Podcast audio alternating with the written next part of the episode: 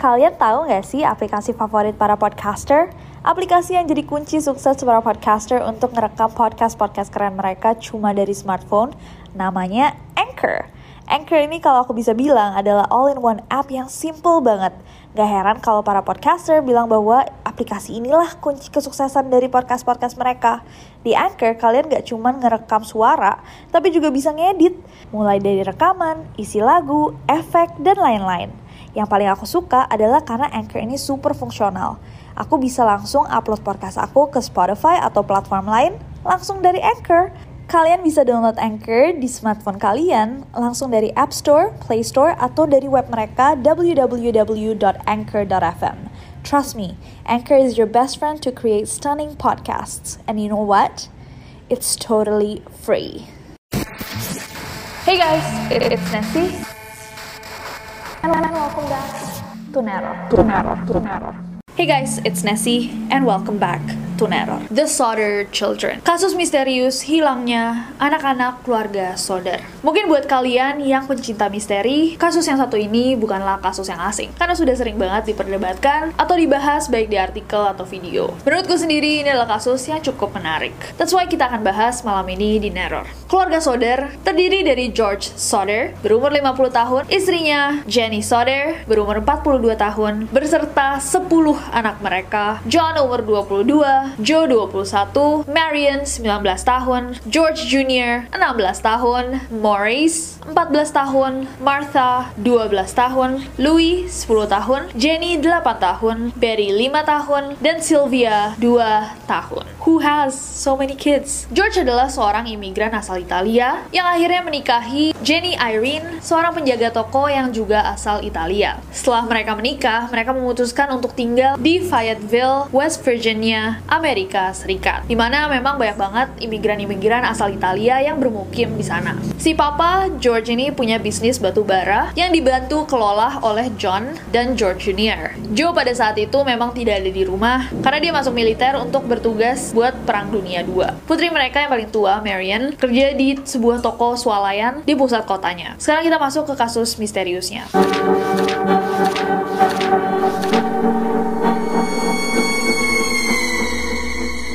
Starting with the chronology. Pada 24 Desember tahun 1945, Marian, putri yang pertama, pulang tuh dari kerja, bawain hadiah buat adik-adiknya, Martha, Jenny, dan Betty. Ini pada 24 Desember, jadi tuh buat hadiah Natal. Nah, karena itu emang malam Natal, dan mereka baru aja dapat hadiah-hadiah baru, anak-anak ini meminta izin untuk tidur lebih larut dari biasanya. Jam 10 malam, Jenny, sang ibu, mengingatkan Morris dan Louis untuk memasukkan sapi-sapi mereka ke kandangnya dan ngasih makan ayam-ayam mereka mereka. Sang ayah, George, John, dan George Jr. yang lelah banget bekerja seharian udah ketiduran sangat lelap. Setelah itu, Jenny mengunci semua pintu dan menggendong Sylvia ke lantai atas rumah untuk tidur. Pada tengah malam, jam 12.30, telepon di kantornya George itu berdering dan Jenny, sang ibu, turun untuk mengangkatnya. Ada suaranya perempuan yang dia nggak kenali dan si wanita ini menyebut nama yang juga dia nggak kenal. Si wanita itu nyebut namanya sambil ketawa-ketawa dan dia bisa mendengar dengar suara gelas gitu kayak ting cering cheers gitu kali. Jenny yang angkat bingung dan dia bilang, oh maaf salah sambung sama dia dimatiin. Nah pas Jenny jalan nih mau balik ke kamarnya, dia ngeliat Marion tertidur di sofa di ruang tengah dengan lampu yang masih menyala dan gordennya terbuka. Nah pada jam 1 pagi, Jenny terbangun lagi karena dia mendengar ada dentuman keras di atap rumahnya diikuti suara-suara aneh lainnya. Tapi sama Jenny diabaikan dan dia kembali tidur. Tak lama kemudian Jenny terbangun sekali lagi dan kali ini rumahnya udah dipenuhi sama asap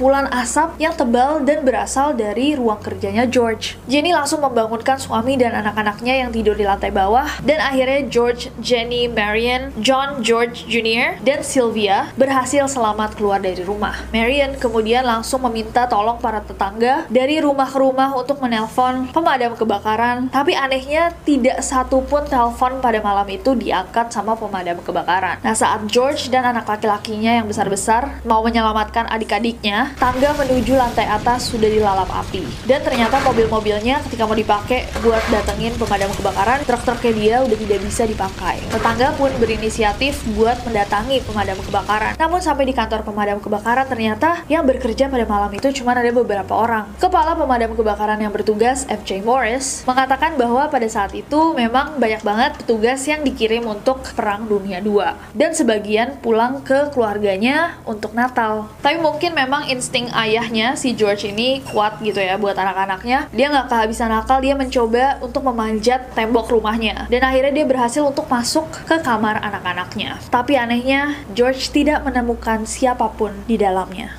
Nah, anggota-anggota keluarga yang selamat berpikiran mungkin kayak, oh mungkin mereka keluar dari kamarnya, lari atau kebakar atau gimana. Pokoknya semuanya pada pesimis, berpikiran nggak mungkin ada yang selamat. Api pun padam 45 menit kemudian. Pukul 10 pagi keesokan harinya, petugas pemadam kebakaran mencoba masuk ke rumah keluarga Soder dan mereka pun juga tidak menemukan apa pun. Bahkan tidak ada sisa tulang dari anak-anak keluarga Soder jika memang mereka meninggal karena kebakaran pada malamnya. So kelima anak-anak Soder, Morris, Martha, Louis, Jenny, dan Betty hilang secara misterius tanpa jejak.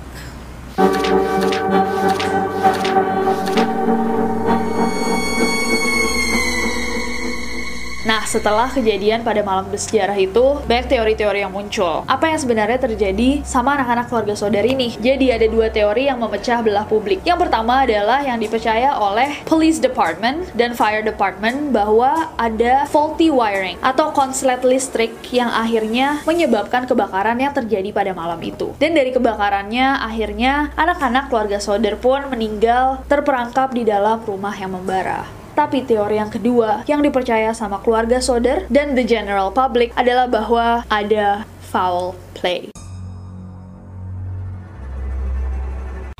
Ya guys, aku mau sedikit sharing sih seputar aplikasi keren yang aku gunain buat bikin podcast ini. Aplikasi ini tuh bisa di-download di App Store atau di Play Store, and it's totally free. Gak cuma buat ngerekam aja, Anchor juga bisa buat ngedit langsung rekaman kalian. Kita bisa langsung nambahin back sound, effects, tambah lagu, bahkan Anchor juga bisa mendistribusikan podcast kita ke berbagai platform lainnya. Kayak aku nih, biasanya aku langsung upload podcast aku ke Spotify langsung dari Anchor. Jadi di mana pun aku berada, aku bisa buat podcast aku kapan pun dan di mana pun aku mau. Karena dia super gampang, aku jadi suka banget nih sama Anchor ini.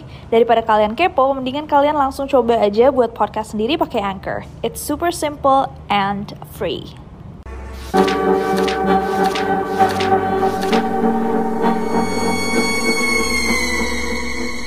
Seperti yang aku tadi bilang di kronologi, setelah diselidiki besoknya tidak ada tulang atau organ manusia yang ditemukan sama sekali di sisa-sisa kebakaran. Bahkan tetangga-tetangganya keluarga Soder juga bilang kayaknya nggak mungkin deh listriknya konslet dan George pun mencoba meyakinkan para petugas bahwa listrik di rumahnya itu baru aja dibenerin. Nah inget nggak waktu di kronologi aku juga sempat cerita bahwa ketika Jenny turun dia sempat melihat lampu-lampu di rumahnya masih menyala dan bahkan ketika bau asap mulai mengelilingi isi rumah rumah, dia masih melihat lampu di rumahnya menyala. Dan ini juga didukung sama kesaksian para tetangga yang bilang, bahkan ketika kebakaran nih mereka lihat dari luar, lampu di dalam rumah itu masih menyala. Berarti ada bukti bahwa bukan listriknya dong yang konslet. Kalau misalkan listriknya konslet, mestinya semua arus listrik di dalam rumah itu mati. Ada juga salah satu tetangga yang bersaksi bahwa mereka melihat ada seorang laki-laki yang membawa alat yang biasanya digunakan untuk membongkar mesin mobil. Walaupun ini nggak ada buktinya ya, dia nggak memberikan foto atau kayak nyuruh orang-orang lihat, eh lihat deh orang itu aneh. Karena dia ngeliatnya cuma sekilas gitu. Kayak itu orang bawa mesin yang biasa bongkar mobil. Tapi ini bisa aja menjadi alasan kenapa truk-truknya George pada malam itu tidak bisa digunakan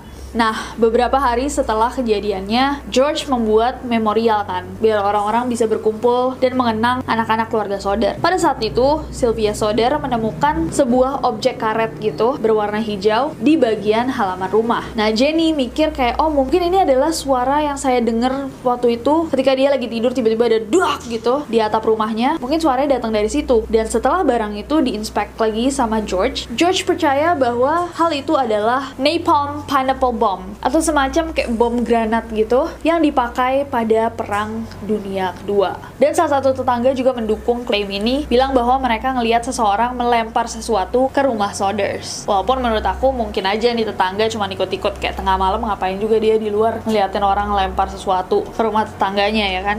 Seorang petugas juga menemukan ada tanda-tanda bahwa kabel telepon di mejanya George itu dipotong secara sengaja. Karena masih nggak percaya bahwa anak-anaknya bisa terbakar lumat di dalam api, akhirnya Jenny mencoba bereksperimen membakar berbagai tulang binatang dan melihat apakah mereka bisa terbakar habis. Dan dari semua yang dia bakar, nggak ada satupun yang terbakar sepenuhnya. Jadi kayak tulang-tulangnya itu masih tersisa. Dia sampai mendatangi expert dalam bidang kremasi dan mereka bilang bahwa bahwa tulang manusia nih, jika dibakar dengan suhu 2000 Fahrenheit selama 2 jam, itu tulang-tulangnya masih akan bersisa. Dan rumah keluarga saudara ini cuma terbakar sekitar 45 menit. Jadi nggak mungkin tulang-tulang semua anaknya sampai lebur. Ditambah lagi besok paginya ketika dicek rumahnya, barang-barang dapur kayak panci, spatula, itu masih ada, masih tersisa. George dan Jenny akhirnya sampai mendatangi FBI untuk membantu kasus mereka. Anehnya, ketika FBI mendatangi kepolisian dan pemadam kebakaran, mereka sama sekali tidak mau memberikan statement. Jadi mereka tidak mau membantu FBI untuk memecahkan kasus ini. Aneh.